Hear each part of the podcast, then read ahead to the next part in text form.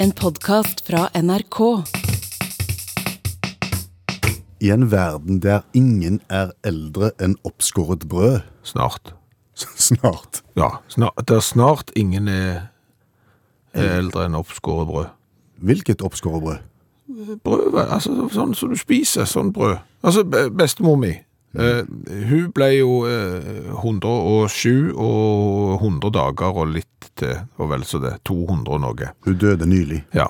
Eh, hun var eldre enn oppskåret brød. Men det er ikke så mange igjen i, i den generasjonen der, så snart så har vi da en verden der ingen er eldre enn oppskåret brød. Når du sier oppskåret brød, Ja. er det ett brød som har ligget lagra i over 100 år du snakker om? Nei, Hva oppskåret brød snakker du om? sånn som jeg skår opp på sånn brød, oppskjæremaskin. Er det en oppskjæringsmaskin du snakker om? Ja, snart er ingen eldre enn eh, prototypen på den første eh, oppskjæringsmaskinen for brød. Kunne du ikke bare spurt om jeg visste hva tid den første oppskjæringsmaskinen for brød? Jo, men det, Merker du det? Det er ikke så spennende. Når du sier det på den måten, så høres det litt kjedelig ut, men når du kan se at det snart ikke er folk i verden som er så gamle som Ok, og, og du sa at bestemor di var eldre, Ja. hun var litt over 107. Da gjetter jeg at brødoppskjæringsmaskinen er 105 år. ja, Det spørs hvilken. Er det flere? Nei, altså fordi at prototypen, Ja. eh, d- den var på en måte klar i 1917, og, og vi kan tilskrive Otto Råvedder denne æren. Eh, er født i USA da, men eh, høres ut litt tysk ut. Otto Råvedder? Ja. eh, av alle ting så var han gullsmed, så jeg får ikke helt dette til å gå opp. Eh, men det var han. Ja. Eh, og han fant jo opp en sånn maskin, hadde prototypen klar, tegningene var på plass og, og alt, eh, så brant eh, greiene opp. Var det gullbrød han lagde, kanskje? Eh, Det kan være. Ja. Det kan være. Den er god. Mm. Men, Eh, s- ok, så, så da gikk det i vasken, og så kom det en ny en da etterpå der? Ja, eh, vi må tilbake til eh, 6. juli 1928. Da er den første automatiske eh, ko- kommersielle brødoppskjæreren på plass. Den blir da produsert. Dette finner jeg veldig rart, for jeg føler at de maskinene kom inn i norske butikker for ikke lenge siden. Ikke i 1928, for å si det sånn. Nei, men, men, men nå, er du inne, nå er du inne på kjernen her. Ja. Nå er du virkelig inne på kjernen, for, det, for dette er jo sånn. For det første så tenker du, maskin for å skjære opp brød, det er sikkert haugammalt. sant? For det er jo ikke noe sånn, det er jo ikke rakettforskning. Nei. Men så er det jo da ikke det eldre enn 1928, som er jo, er jo relativt ungt i, i mekanisk sammenheng. De drev jo og spinna, sp spant og sp sp- Spunnet. spunnet ting og Ja. a- alt det der, den industrielle revolusjonen, så du tenker liksom at brødoppskjæringsmaskin, det var det sikkert en eller annen trave som hadde på et slott eller noe. Men den gang ei. Nei, men mitt poeng Ja, det er jo det at det, Og det er jo òg interessant. Ja. 1928, når kom de norske butikker? Nei, jeg, sp- jeg føler at det er bare 10-15 år siden, men er det, er det gale, det? Jeg, jeg har ikke en nøyaktig dato, jeg heller. Nei. Eh, Men, men, men vi vokste ikke opp med det. Og slett ikke. Eh, Ikke når vi var små, ikke når vi var litt eldre enn det, Nei. ikke når vi var mye eldre enn det heller. Når vi begynte å bli godt voksne, da fant vi det i butikken. Ja. Da syns jeg det var noe tull. Det er Helt unødvendig. Helt 100 Det er noe du unødvendig. kan gjøre hjemme. Ja, Ja. det tenkte jeg òg. Og så skjærer du bare opp den skjeva som du vil ha hjemme, eller de to. Og så trenger du ikke skjære opp alle. Mm. Nei. Nå skjærer jeg alltid opp. På den maskinen, ja. Mm. Ja, jeg òg.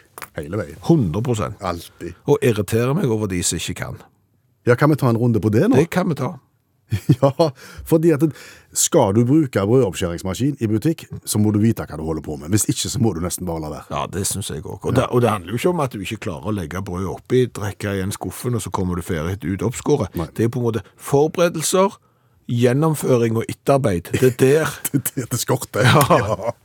Po- Poenget er jo at du skal på en måte, i det første brødet er i ferd med å bli skåret opp i maskinen, med, med denne rumlelyden, allerede da skal du være klar med neste. Da skal du ha funnet fram plastpåse, du har- skal ha åpnet plastpåsen sånn at den er klar til å tre inn på brødet. Du skal da løfte brødet opp på den der hylla, så skal du trekke eh, papirposen på, og så skal du motsatt vei tra, tre på plastposen etterpå for å hindre at brødet detter ut. Det stemmer. 100%. Skalken kan du spise ved behov. Det gjør jeg alltid. Ja, det er visst. Eh, Men, men, men du glemmer et viktig moment her. At Når du eh, da driver på med etterarbeid på det brødet du har skåret opp, så skal du allerede ha lagt neste brød i brødskjæreren. Sånn at når du da er ferdig med å snu plastposen eh, counterclockwise, Yes. eh, så er du allerede da klar til å ta imot neste. Og så Det skal videre. være en sammenhengende, kontinuerlig prosess. Det skal aldri være stans. Nei. Aldri. Og det eneste som mangler, Mm. det er at butikken legger til rette for strømlinjeforma bruk av brødoppskjæringsmaskin. Ja, du skal for eksempel ha en plass å legge papirposen mens prosessen pågår. For den blir fort liggende oppå toppen av brødboksen. Man bare ligger den i hyller med grovt brød med sirup. Ja. Og så må du, det, det er ikke bra. Det er en infrastruktur der som butikken må ordne opp i. Hallo, ja. Hallais, Klingsheim! Hei, Stavanger-smurfen. Stavanger-kameratene go, go, go skal trege deg inn. Hvordan gikk det med Viking mot eh, Tromsø? Klarte så vidt 2-2, skårte langt på overtid, ikke mer enn det måtte være. Nå må de slutte opp. Har du ikke fått med deg kamp?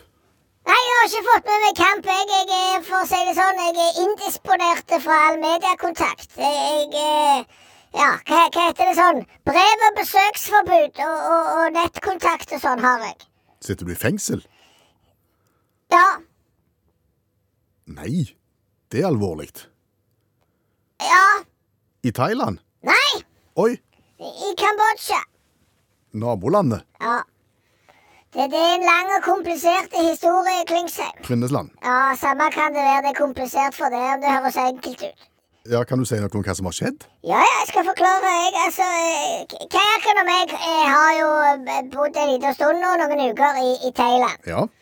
Og så må vi jo liksom få endene til å møtes, så det er jo da å fi- få seg jobb. Så da fikk vi jobb eh, i, på en sånn plantasje der vi skulle eh, plukke rambutan. Hva er det for noe? Det, det er en sånn en liten frukt. Den ser nesten ut som en testikkel. En rød testikkel med litt lange hår på. Sånn ser han ut. Kan vi, kan vi kalle det for testikkelspær? Den var ikke verst, Klingse. Nei, jeg Det er synes... det, tror jeg det første jeg har hørt fra deg som er over middels. Jo, takk. Den er ikke verst. Og når du åpner de, da, så ser det ut som det er noe hvitt inni. Mhm. Og så henger de på sånne store trær. Nettopp. Og dette skulle dere plukke. Det, det var vi ansatt for å plukke. Og da har de jo eh, Var det spørsmål? Ikke ennå. Nei, jeg bare hørte du begynte å eh, eh, lage sånn lyd som om du tenkte på noe. Nei. Ok. Nei, så, så eh, måten de plukker det på, for det er ganske noen av disse trærne er veldig høye, det er at de har eh, luftballong. Å ja. Ikke så store. Bare på sånn passe, sånn at du kommer da opp i høyden, og så, og så fører de deg på en måte rundt treet med denne luftballongen. Så der var jo kajakken oppi der og, og plukte på toppen. Lurt. Jeg var med, så, som moralsk støtte og sånn. Ja. Så klarer jo kajakken, vet du, og så løsne fortøyninga der. ja, og da skjønner jeg. Og så da seiler den av gårde, ja. Ja, først så seiler vi da ø- over den der siamesiske bukta. Ut over havet, vet du. Bare du og han? Meg og kajakken i en uh, 990 luftballong minus 98. Ja. Altså bare én. Du tok den? Ja, den skjønte jeg. Ok. Så, så, men så heldigvis, da, så får vi jo vinden på vår side, da, så vi driver jo inn mot land igjen, da. Men da har vi dessverre krysset grensa til Kambodsja, viser det seg. Ja, ok. Det er ikke sikkert de syns det var så kjekt. Ikke spesielt, Nei. for vi hadde ikke papirer i orden. Nei, Men landa dere i Kambodsja? Fikk, fikk landkjenninger, bokstavelig talt, så det sang. Gikk i bakken med et smell. Eh, kom jo politi og greier, og vi hadde jo ikke papir i orden og sånn. Nei. Det var nå én ting. Hva var det andre? Det var bekledningen til kajakken. Hva var det han gikk i nå? Han hadde jo vært nede i Pattaya der, vet du. sant? Så hadde han kjøpt seg en sånn fiffig rød T-skjorte med Che Guevara på. Oi. Den smalt ikke spesielt godt i Kambodsja, viste det seg. Nei. Det Der har de visstnok et litt sånn dårlig forhold til alt som har med kommunisme å gjøre. Ja. Ja. Så, så dermed så ble det to fluer i en smekk, og, og akkurat nå så, så venter vi da på hva som skal skje. Og For de tok inn, de innbrakte deg òg, ja? Ja, ja, ja, så vi har jo sånn brev og besøksforbud og sånn, så sa jeg I have to call my lawyer. Eh, Og det har jeg jo ikke. Så du ringte meg i Så sted? ringte deg istedenfor, og så får du, for du kjenner jo han der han eh, mulla Krekaren og de der folka, du, sant? Meling? Samme det. Så, så ordner du det, og så får du oss ut av den her denne kasjotten. Det høres, høres ikke ut som dere skal være der lenge, nei. Nei. Dette, dette er jo en misforståelse. T-skjorta, ikke en misforståelse. Nei, det Det andre er et veldig hendelig uhell hvis du er høyt, høyt oppe i et rambutantre. Det tror jeg vi skal klare å forklare. Ja. ja. Fikser du? Jeg skal forsøke. Vi, Ok. vi skal ringe tilbake igjen, da. Jeg kan ikke ta imot. Du får ta det med ambassaden eller noe. Du fikser det, Klingsheim. Du have contacts, you. Don't you? Yes, yes. OK. Kvinnesland er navnet, forresten. Samme kan det være.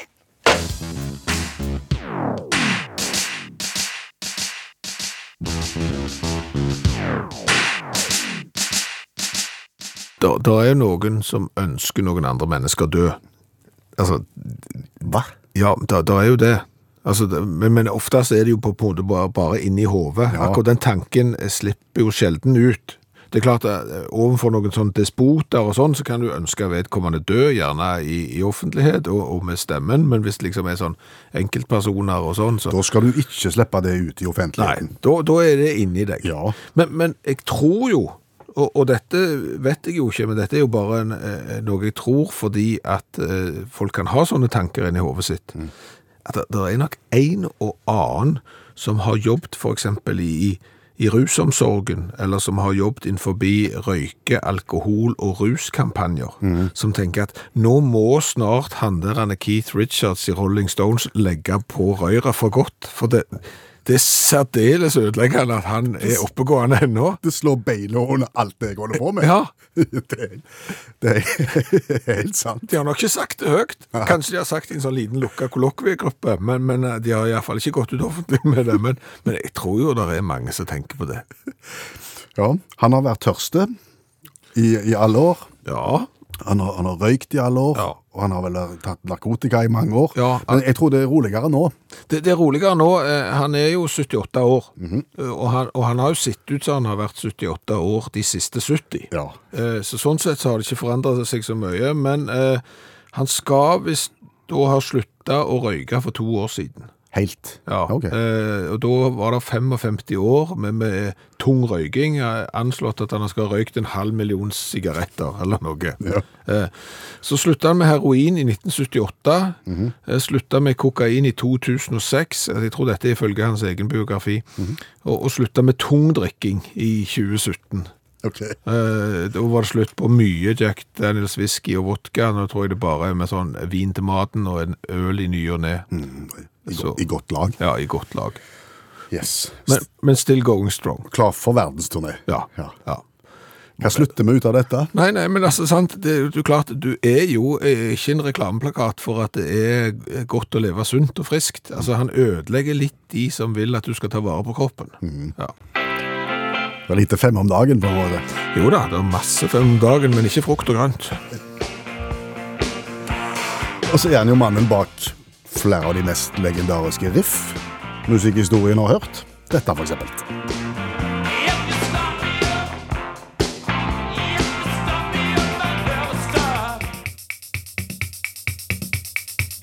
Hver eneste mandag eh, så står du og meg her i studio og sender uttakt, og så får vi besøk av allmennlærer med to vekttall i musikk, Olav Hove. Som hjelper oss med det som vi ikke forstår sjøl. Ja, men i dag er det et voldsomt tomrom. Ja, Hove har meldt fravær fordi han er på fest i hovedstaden. Fortell, Hove. Ja, jeg er på sånn hagefest i hovedstaden, så jeg kan dessverre ikke komme i kveld. Beklager det. Er du på Aschehougs hagefest? Eh, nei, ikke helt. Men det er samme hage og samme forlag. Men, eh, men ikke helt. Så, så, så det er Askehaug, og det er hagefest, men det er ikke den hagefesten som vi leser om i VG, der alle kjendisene er og sånn. Riktig. Er dette på en måte som om du er invitert til kaffe i et bryllup? Ja, Ja. det er akkurat der jeg er. Men er, er, det- er ikke fiffen der i det hele tatt nå? Jo, jeg tror det er en del fiff her, altså. Jeg har mistanke om at det det yngler med fiff. Uten at jeg er så bevandra innenfor den eh, kategorien mennesker, da. Men så langt som du har sett, er er fiffen gode til å feste? Ja, det klarer seg bra når en kommer til fest, altså, men det er klart når en kommer til forspill, så har jeg litt å jobbe med. For, for jeg var invitert på forspill, og da vet du jo, eh, da rigger du jo til med, med det du trenger på et forspill. Jeg har vært der før, og så var det, viste det seg at det var sånn afternoon tea. Det var forspillet. Så- Sånn så, kaker i, i sånn stablefat? Ja, og det er klart at når du har rigga deg med, med sekspakning med øl og har aktivert rockefoten, noe som er en helsikens jobb i min alder, så det er klart at Earl Grey og kjeks, det er jo en nedtur.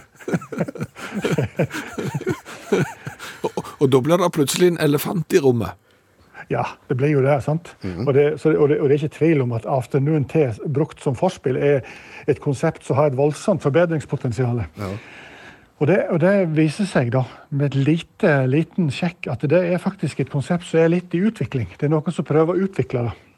Blant annet The Gore Hotel i London. De, de har arrangert sånn tradisjonell afternoon tea visstnok i generasjoner. Men nå tilbød de òg rock and roll afternoon tea. Og det er jo litt sånn, vet du, Hvis du er vant med stiv overleppe og sprikende lillefinger vet du, på, som konsept, og så skal du begynne med noe helt nytt, så, så bom, er det lett for å bomme. ikke sant?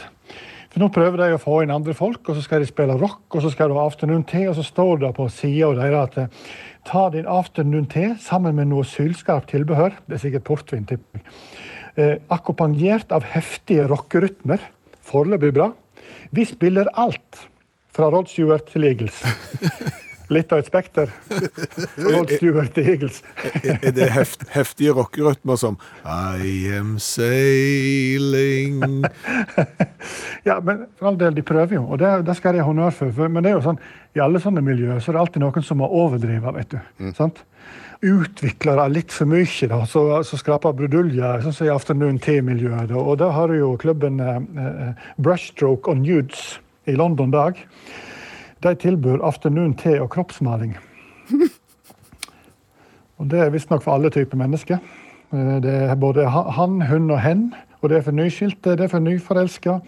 Du kan bruke det som teambuilding og som familiekveld. Familie, altså, du skal møte opp i Adams og Evas drakt, bibelsk, det er jo litt hyggelig der òg, men, men eh, Og så skal du eh, Det står du møter naken, sippa og mala. Og da skal du da eh, eh, først få instruksjon av verdenskjente kroppsmalere. For så at du skal da slippe til sjøl og gjøre dine bordvenner om til et lerret. Mens du drikker øl, greier og eter kjeks. Det er vel ingenting eh, s- som sier bedre eh, familieselskap enn at hvis barnebarnet må se bestemor kliss naken bli malt fra topp til tå. Mens hun drikker Earl Grey og spiser kjeks? Åh, Ah, jeg f- tror ikke fiffen er helt klar for det konseptet. altså. Nei. Men nå må jeg gå snart, for nå er det servering av bitte små brødskiver. ser jeg. Men, men, men HV, Ja. du, du vet jo det at de har jo hatt en tendens til å uta- utarte disse her hagefestene med, med, med mye grøfting. Ja. Så det er kanskje på en måte det er litt sånn der be- begrensende tiltak, dette her. for å... Ja, Hva om vi alle kler oss nakne og maler hverandre? Jo, god idé. Men så kan du drikke pilsen din da med sånn eh, stiv lillefinger ut. Oh yes, indeed. Yes, indeed. Indeed. Allmennlærer med to vekttall i musikk og forfatter Olav Hove skal på eh, fest i hagen til Aschehoug. Kos deg. Tusen takk. Vi er jo et radioprogram som liker å hjelpe folk som gjerne har havnet i en pressa situasjon, sant? som er i en livssituasjon som det kanskje kan være litt vanskelig å komme ut av. Sånn som Øystein, tenker du? Ja, for han har sendt oss en melding i desperasjon. Eh, God kveld, kona vil ha med meg på Ikea i morgen. Har dere noen tanker om det? Ja, eh, de, tankene går jo først og fremst til de pårørende, selvfølgelig. Som i dette eh, tilfellet er Øystein sjøl. Ja, Men eh, ja, kona vil ha han på Ikea. Altså, du- Den første setningen som slår ned i hodet mitt, er jo eh, 'happy wife, happy life'.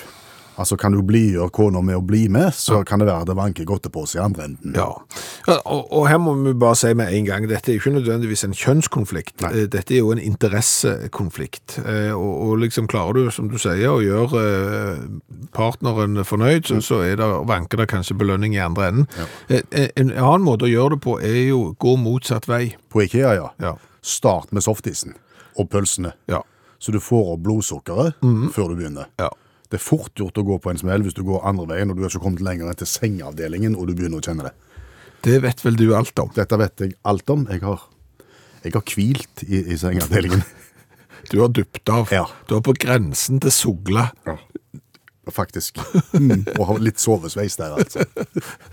Nei, altså det, det, det er ikke lett, for, fordi at når du får en sånn interessekonflikt Mm.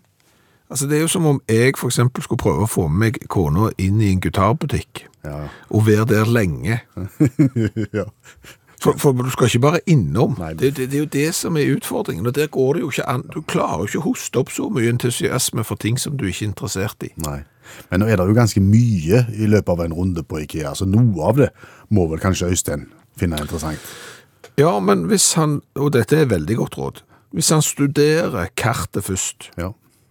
altså det, for det er jo en sånn en rundløype som du ikke kommer ut av, men det er noen få sånne kryssende punkter. Mm. Hvis der for eksempel er så heldige at du kommer i eh, sjeslongavdelingen, Mm. som har et overlappende punkt over i kjøkken for eksempel, så kan du sitte og vente i sjeslong og ta igjen eh, partneren da når hun passerer, eller han eh, passerer da eh, Kjøkkenet. kjøkkenet. Ja. Så, så, har, du- så har du gjort litt der. Ja. Jeg tror vel det er vel det tankene vi har, er det ikke det, egentlig? Jo. Eller så kan du gjøre sånn som eh, du- du gjorde i, eh, på skolen, for eksempel, når ting ble for vanskelig. Du kan få vondt i magen, og så må du gå til helsesøster. I en sofa fra Ikea sitter mor og klorer far. Og så hyler de og river av de klærne som de har. Og så gjør de sånt som gjør at mor blir mor og far blir far. Eh, Skal vi være litt gammeldagse? Det kan vi godt. Jeg jeg tenkte vi skulle ha en lydkonkurranse. Du skal få høre en lyd som jeg har lagt klar, og så sier du sånn B, B, B, B. Be, be, be, be. Du, du var mye bedre på det enn meg. Bit for bit. Ja. Bilde for bilde. Ja. Mm. Ikke den bit for biten, en helt annen konkurranse. ja. Så, så, så når du kjenner igjen lyden, så sier du B, B, B. Greit. Ok. Klar? Ja. Be, be, be, be. Hva? Telefon. Nei, nei, nei. Vent, vent. Be, be, be, be. Ja. Oppringt modem. Ja.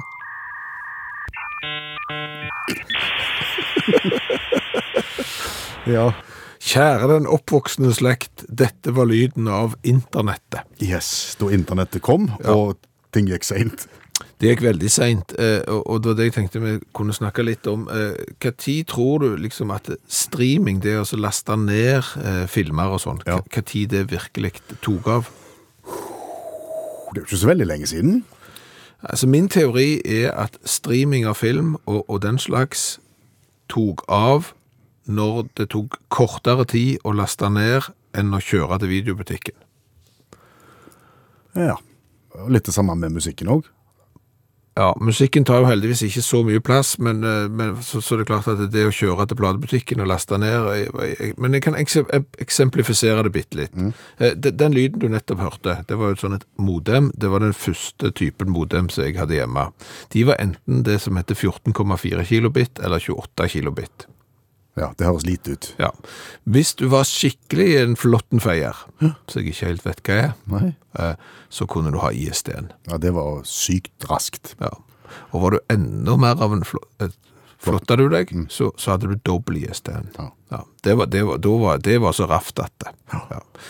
Men hvis du hadde sånn et gammelt modem, og ville laste ned for eksempel en film eh, som er på 1 gigabyte, det er sånn som du kan laste ned på Netflix, og så er den ikke så lang den filmen, og kvaliteten er ikke spesielt god, du har valgt sånn medium. Da ville det med den der gamle som ringte opp, Ja.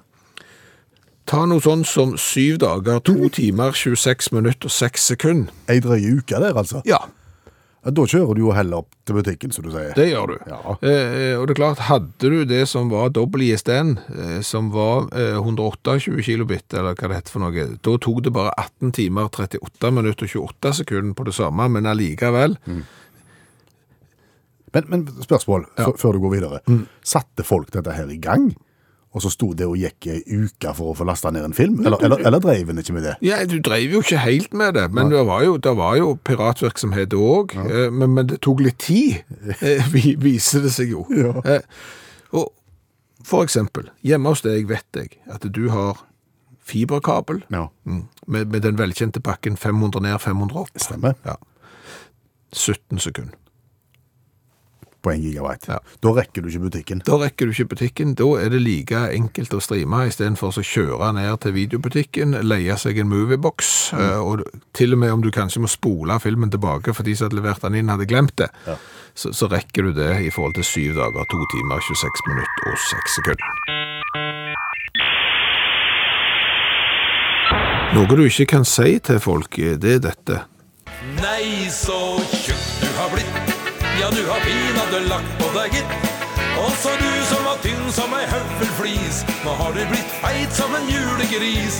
Nei, så tjukk du har blitt. Nå må du pinadø slanke deg litt. Har du det bra? Åssen står det til? Det var lenge sia sist. De to siste setningene der er jo mageløse. men, men du kan ikke si det til folk. Nei, du kan ikke det. Nei, så tjukk du har blitt. Nei. Eller du er tjukk. Eh, Du kan heller ikke si at eh, Å, så tynn du er. Nei, kan du det? Nei, det kan du ikke si. Du kan ikke si 'du må ha slanka deg'. Eller jo, det kan du kanskje si. Ja, fordi at, nei, fordi at der ligger det gjerne ting i bånd, for det- fordi at slanking kan gå for langt òg.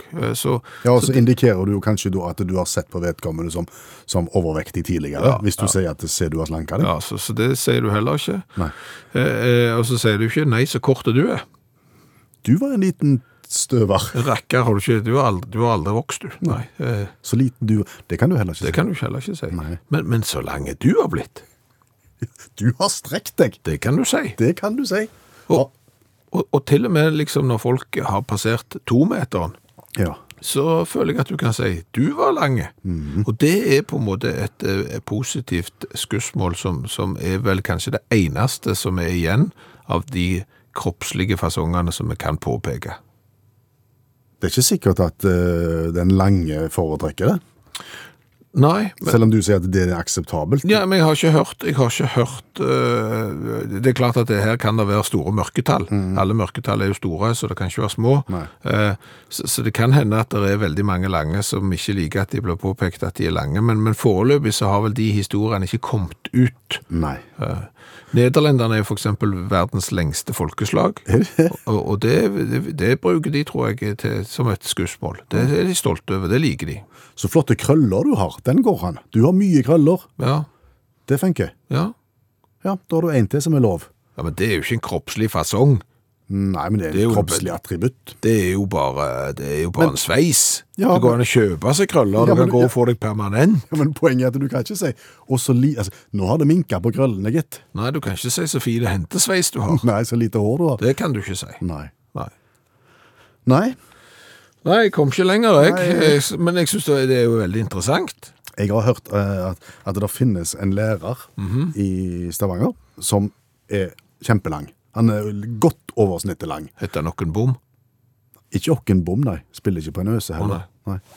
Men det han gjør for på en måte å få, få slutt på alle spørsmål og alt det der, hver gang han kommer inn i en ny klasse som han ikke har hatt før, Ja. så skriver han høyden sin med store, store tall på, på tavla.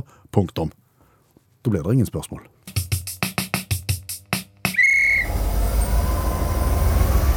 Jeg tok tog i sommer. Ja. Det er ikke god journalistikk. Jo, hvis du begynner å tenke deg om. Mhm. Altså på toget. OK. Eh, For, for da satt jeg på toget der, eh, og, og det var ikke fullt. Eh, Og det er et ganske stort tog. Det er ikke så mange vogner, men allikevel så er det ganske stort. Det er jo et sånn et stort sånn lokomotiv framme, og noe som ser ut som et like stort lokomotiv bak. Noen vogner i midten, og så, og så er det sykt stort. Norges land, eller? Eh, det- fra- fra, fra Jyland til Oslo. Altså det er sånn halvveis fra Stavanger, så hopper du på, og så kjører du til Oslo, og så kjører du da gjennom innmark og utmark og inn i tunnel og, og sånn.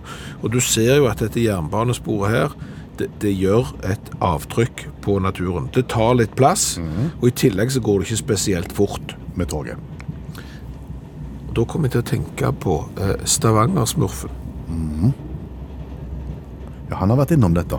Han, har snakket, om- han, han var eh, opptatt av tog. Ja, eh, eh, og det slo meg at kanskje for eneste gang i historien så har en av, av ideene til, til Stavanger-smurfen faktisk eh, et snev av, av genialitet i seg. Det er å strekke det langt, men OK. Ok, men bare hør på dette. Av og til så er jeg overraska over hvor genial jeg er. Hva er det du har funnet på nå? Jeg har funnet ut at jeg skal bygge berg-og-dal-bane. Hvor da hen? Eh, Mellom Stavanger og Oslo. Er det genialt? Det er kjempegenialt! Eh, Hva da for? Fordi du skal frakte folk. Ja, det skjønner jeg jo. Ja, ja, og du skal frakte folk billig. Ja vel. Jeg leste en artikkel om at to mil med jernbane i Norge Ja. koster like mye som seks mil motorvei, én opera, et sykehus, tre jagerfly og KNM Helge Ingstad til sammen. Er det sant? Det er sant! Det er sinnssykt mye penger. Sinnssykt mye penger, ja! 29 milliarder kroner for å bygge 21 kilometer med jernbane fra Fredrikstad til Sarpsborg. OK. Jeg må nesten le! Ja vel. Og vet du hva? Nei. Så, så leste jeg om Steel Dragon 2000. Ja, hva er det Det er verdens lengste berg-og-dal-bane. i I Japan. Å ja? Ja, 2,5 km lange. Aha. Hva koster den? 450 millioner kroner. Ja, Var det mye sett i perspektiv i forhold til det som du nettopp sa? Ja, se nå! Se nå! Nå, nå er du på ballen, Klingsheim. Se om Kvinnesland. denne begynner du å gå boble. Nå er du med på tanken her. Nei, det er gratis. Gratis er det ikke. Ja, nesten. Det er 183 millioner per kilometer. Ja. Og da slo det meg. Det er ikke lenger enn 300 km i luftlinja mellom Stavanger og Oslo. Let's go crazy. Bygg berg-og-dal-bane i stedet for. Bygg berg-og-dal-bane rake veien, og er det en eller annen hindring, så er det jo sånn berg-og-dal-bane. Du kan bare gå over eller rundt. Folk syns bare det er kjekt. Og den der han, eh, Steel Dragon 2000, Ja. vet du hvor fort han går? Nei, Han går 150 km i timen. jeg er fort det. Ja, ja, det vil si det er to timer mellom Stavanger og Oslo i berg-og-dal-banen min. Ok. Hva- Hvor ofte skal den gå, da? Når du vil! Når du vil, ja. Ja, men det er jo det som er fordelen. Du står i kø. Ja, Når din tur kommer, så kommer det ei vogn. Så det er ikke rutetider her eller noen ting. Det er bare raka veien straight to Oslo.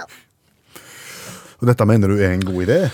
Eh, Ja, faktisk, fordi at eh, etter å ha tatt tog i sommer, og tenkt på denne uttalelsen fra Stavangersproffen, så tok jeg eh, kontakt med professor Elias Kassa. Han er da professor i jernbaneteknikk. Og det er nå journalistikken kommer inn i Ja, bildet. ja, og så har jeg drevet og mailt litt fram og tilbake med han, og, og, og du skal få høre konklusjonen.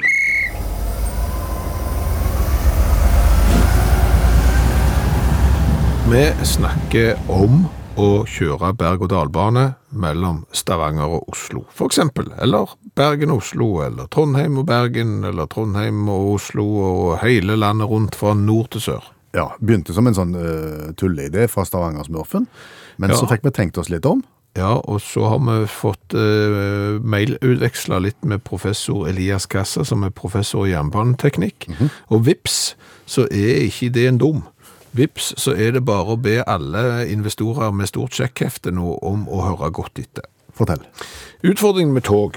Tog er lagd for å være tunge. For de skal kunne kjøre på ei stålskinne med stålhjul. Og da må du ha friksjon, og da må det være tungt. Ja. Det er liksom grunntanken bak toget. Og dermed så må du jo bygge eh, bane som er sterke nok. Det krever tung struktur. Og hvis det toget så skal gå i full, full, full, full, full fart, så kan du ikke ha små svinger. Det må være beint. Det kan ikke gå opp. Det kan ikke gå ned. Du må lage bruer, du må lage tunneler, og du må liksom få beinestrekk. Sykt dyrt. ja. Og derfor så er gjerne ikke høyhastighetstog, f.eks. mellom storbyer som Bergen, Stavanger, Stavanger, Oslo og sånn, regningssvarende eller levedyktig. Og nå siterer jeg professoren, det Ja. er ikke mine ord. Nei. Eh, Et alternativ som det forskes på nå, er såkalt hyperloop-bane. Det er litt som rørpost. Å ja. Skjønner? Ja, altså da er du på en måte en liten kapsel inni et vakuumrør, og så blir du på en måte sendt med rørpost for eksempel mellom byene. Dette er jo på forsøksstadiet i flere land i Europa, USA, Midtøsten, Kina, sier Professoren. professoren. Så dette er ikke noe jeg har vunnet Nei, på nei, nei, vi heller. har skjønt det. Nei. Og så er det tilbake til ideen om berg-og-dal-bane. En annen idé som mange ser på, sier professoren, det er små pods, små kjøretøy, som kjører i høy hastighet og er automatiserte, altså uten sjåfør, inni byer eller til og med mellom byer, som for eksempel Stavanger og Oslo. Og da henger disse kjøretøyene, togene, på et ført spor, som støttes av pilarer over terrenget på samme måten som berg-og-dal-bane. Ja.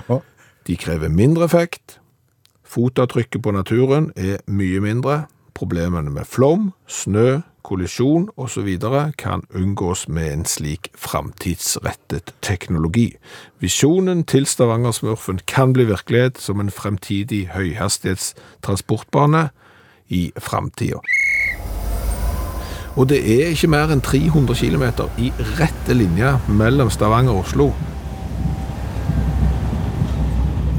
Og vi skal smake cola. Ja, det skal vi. Og den er fra vårt eget fylke, og vi sender fra Rogaland. Ja. Det er da en cola som vi har fått ifra Nina. Skuddnes Bryggeri står bak denne, og han kalles for Capo Humlecola. Capo humlecola. Ja. Og Det er jo da en cola tilsatt humle, og det er ikke den der som flyr rundt i lufta og sier sum, sum. Nei. Eh, Det er da den plant... Kan vi si at humle er et biprodukt? Det kan du helt sikkert si, men det er jo det som eh, brukes for å lage øl. Ja. sant? Malt og, og humle eh, tilsatt denne colaen. Og det er jo som sagt fra et bryggeri som starta opp i eh, 2014 i det små, eh, har vokst seg litt større, og i 2018 så satte de i gang med brusproduksjon. Og grunnen til at den heter Capo, er at de tok opp arven etter Da Capo mineralvannfabrikk, Å ja, som holdt til i samme område, Skudeneshavn. på Karmøy. Ja. Og, og da har de u- lagt flere leskedrikker under navnet Capo, blant annet eh, humlecola. Vi har jo smakt på over 350 colavarianter fra hele verden. Ganske sjelden så har vi grønn etikett. Ja, svart boks med grønn etikett. Det som er helt tydelig her, er at denne boksen er nok egentlig til øl, og så har du klistra på en etikett på, på toppen, for det er akkurat dette trikset har vi sett fra en del svenske bryggeri som har lagd colaer i eh, liten målestokk. Eh, og der står bare Capo, der O-en er bytta ut med ei humle. Altså ikke en flygende humle, men det der humleblomsten, Blomsten. ja. Og så står det humlecola under. Jeg føler vi har vært borti humlecola før, og det var ikke godt. Det var vel fra Lysekloster, var det det? Fra, ja, jeg tror opp mot Bergen. Ja, jeg tror det. Husker du, Var det godt? Jeg kan ikke huske om det var så godt. Eh, Kjempe. Jeg, jeg liker jo humla. Jeg har tilsatt eh, for eksempel når du har brygga sider, så kan du sette det oppi, så får du en eh, ganske s- sneisen smak, men i cola usikker. Vi gjør som vi pleier, vi smaker først og gir karakter fra én til ti. Veldig svart. Og lukter litt grann eh, så, såpe.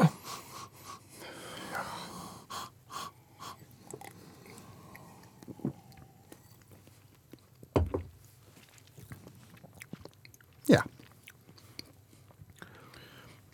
Det var ikke verst. Nei, du, du kjenner humlesmaken. Det gjør du. Men ikke sånn langt, langt Ikke sånn 100 dominerende. Nei, og du kjenner også colasmaken. Altså, Forrige mandag var jo et eh, katastrofeområde av en eh, cola. Med, med Coca-Cola sin hyllest til artisten Marshmallow. Så det her er jo vid, langt forbi. Men, men jeg hadde ikke klart mye av dette her. Nei, det kan du si. Det er, eh, Det er ikke pøsing. nei. Men er ikke det midt på treet, da? Det er ikke fem. Ikke mitt eh, vokabular. Det er Det er tre, Nei. fire Ja, jeg strekker meg til fire. Du Ja, tre. Ok. Eh, kult. Ja, litt stilig. Det kan godt hende at liksom Kanskje cola med humle, tilsatt humle, er godt til f.eks. stud eller eh, spagetti bolognese eller altså, eh, sånn. Altså, hvis du Skal ikke se vekk fra det. Nei, men altså hvis du setter sammen en meny, så har du gjerne rødvin til forrett, og så har du humlekola til, jeg vet ikke, eh, s- kult, fem. Ja, greit det. Var du enige? Ja. Nå skal vi ikke regne feil, for det har vi gjort en gang, og det ble ikke. Så da er det ti pluss syv. Det må bli 17. ja. To saker eh, har vakt stor oppmerksomhet i i dag. Eh, Det ene er en begravelse i England, og det andre er en nordmann som tapte i sjakk med vilje.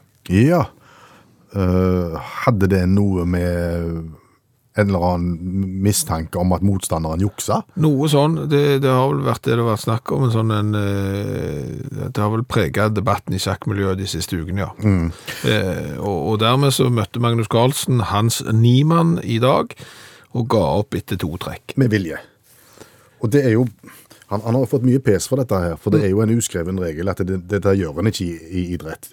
Jords på å tape. Nei, du, du skal ikke gjøre det. Men, men det fikk oss jo til å tenke på at eh, Magnus Carlsen er jo ikke i en særstilling her i, i verdenssammenheng når det gjelder det å, å tape en kamp med vilje. Nei. For det fikk oss til å tenke på en kamp som allmennlærer med to vekttall i musikk, Olav Hove, fortalte oss om for noen år siden. Ja, vi skal tilbake til 2002, der et fotballag blir eitrende forbanna på dommeren fordi han dømte straffe i en kamp som allerede var spilt. Ja. Så da når neste kamp kommer, da eh, ser de ikke blitt på, på eh, Da skal de protestere. Da skal det protesteres. Vi skal til Madagaskar og, og kampen mot AS Adema mot SO Lemyrn i, i 2002. Og, Ja, så altså, eh, Hva nivå er vi da på i gassisk fotball? da er vi helt på toppen. Å ja, å ja. Helt på toppen. SO Lemyrn har jo, som alle vet, gjort det skarpt. Og, og dette her er sånn fire Det er jo sånn, det er sånn helg der du spiller at fire lag skal møtes, da. De spilte jo mot DSA Antanarivo, disse her mu- Lemurn, og, og leda 2-1 helt mot slutten. Og så fikk da eh, Antanarivo straffespark, så det ble 2-2. Eh, Dette var visst ikke straffespark, ifølge la- eh, Lemurn. Og det medførte jo da at, eh, at AS Adema hadde vunnet hele ligaen før siste kamp. Når de skulle møtes. Det som skulle være den avgjørende kampen, da var hele serien avgjort. Og så var de så forbanna på denne her dommeravgjørelsen. Og da var ikke de litt forbanna, de var sånn ordentlig super-kjempeforbanna. Altså for straffespark i forrige kamp? Ja. Ja. For de ville jo vinne serien, men nå hadde ikke, nå hadde ikke de sjans, siden de spilte uavgjort på det feilaktig dømte straffesparket. Så når de da møtte disse her godeste Adema i, eh, i denne her som skulle være finalen, så var de såpass irriterte at de fant at det her gidder ikke vi være med på. Vi, vi orker ikke det her. Så kapteinen, da, som heter så mye som Manitranirina Adrianiania Interessant navn. Han kom i skade for og skåra 63 sjølmål i den kampen. Og da, da begynner vi å snakke om imponerende. og det var flere som konkurrerte med han, men han enda opp med flest, da. Enda opp med en, en forsmedelig 149 nulltap. Um, Kapteinen, keeperen, midtstopperen, de fleste på midtbanen og treneren Sakebø utestengt i tre år. Fikk ikke lov å vise seg på stadion innen tre år, da. Men imponerende. 63 Du selvmål. skal stå på det for å rekke det. Da får du ballen, og så er det full fart feil vei. Hei. 149 mål på 90 minutter. Ja. Det er brukbart. Ja. Og hvor mange var det han sto for sjøl? 63. Og 60. de hadde, det har jo med til historien at de hadde 100 ballbesittelse. Og, og navnet på mannen var? Manitranirina Adrianiania. Takk, Olav Hove, allmennlærer med tovekttall i musikk. Det er sykt mange land jeg ikke har vært i. Å ja. Jeg har vært i noen, da. Kanskje flere enn snittet? Vet ikke. I- Det kommer an på hvem du sammenligner med. Altså, Gunnar Garfors, han er jo eh, den eh, første i verden som besøkte alle verdens 198 land to ganger. Det, det blir en del reisevirksomhet, da. Ja, eh, og da er jo spørsmålet hvis eh, han kanskje da er den nordmannen i verden. Mhm. En bra setning det. Den nordmannen i verden. Ja. Ja. Som har besøkt flest land. Ja. Eh, hvem er da den eh, nordmannen som har besøkt færrest? Det er den som har bodd i Norge hele sitt liv og ikke vært i utlandet. Ja, for, for alle folk i hele verden har jo i hvert fall ett land Ja. på CV-en. Det skal godt unngås å ikke ha det. Det er helt sant. For en plass må du jo fødes, og da har du vært der i hvert fall. Mhm. Eh, Men, men er det noen som bare har ett? Det tror jeg. Altså, det, for det var jo mindre reising før, så kanskje hvis du er skikkelig gammel, så har du ikke vært i så mange land. Eh, Nei. Jeg tror bestemor mi... Ja, ja, La oss høre med henne. Hun var, hun var 107 da hun døde. Ja, da, da eh, hadde hun vært i Danmark. Og så når hun da ble oldemor for første gang, eh, så fikk hun pass. OK. og reiste til Frankrike, men landa i Luxembourg. Så da fikk du et par land der eh, på CV-en, og vips, så var du da oppe i tre, iallfall. Og Jeg vet ikke om de gikk over til Sverige under krigen, Ja, Det kan være. sånn som det, du, sikkert mange gjorde. Det kan godt hende. Nei, jeg gjorde ikke det, men, men eh, iallfall tre. Kanskje fire. Nå er det ikke så mange som er 107, men jeg tror jo at det er folk som er godt opp i årene. Det er, der er mange som bare har vært i Norge. Ja, så er det klart at Hvis du da er veldig unge, så har du ikke fått tid til å så- så reise ennå. Men la oss nå si da at eh, hvor, hva tid, hvor begynner denne konkurransen? Fra myndighetsalder? 18? Mm. Altså den nordmann under 18 som har vært i bare ett land, nemlig Norge. Under 18. Over, mener jeg. Ja. Mhm. Den, den kunne det vært interessant å komme i kontakt med. Det hadde vært et godt stykke journalistisk arbeid. Du er fotograf.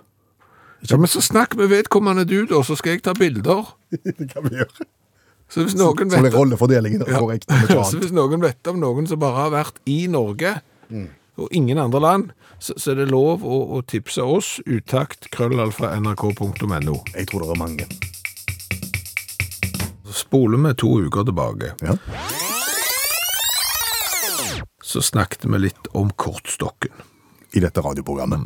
Ja. Eh, Den klassiske kortstokken, altså den som er sånn som den skal se ut som man alltid har sett ut, ikke når du begynner med sånne reklameting og sånn, og plutselig så er det to mann med trillebår, og det er tieren og sånn. Nei, det skal vi ikke ha. Nei, ikke sånn. Den klassiske kortstokken.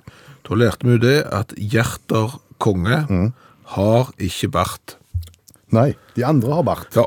men ikke Hjertekongen. Nei. Ja, han har ikke bart. Eh, og, og, og nå eh, har jeg funnet ut mer. Ja. Så det kommer ytterligere kortstokkunnskap her nå. Kom igjen. Ja.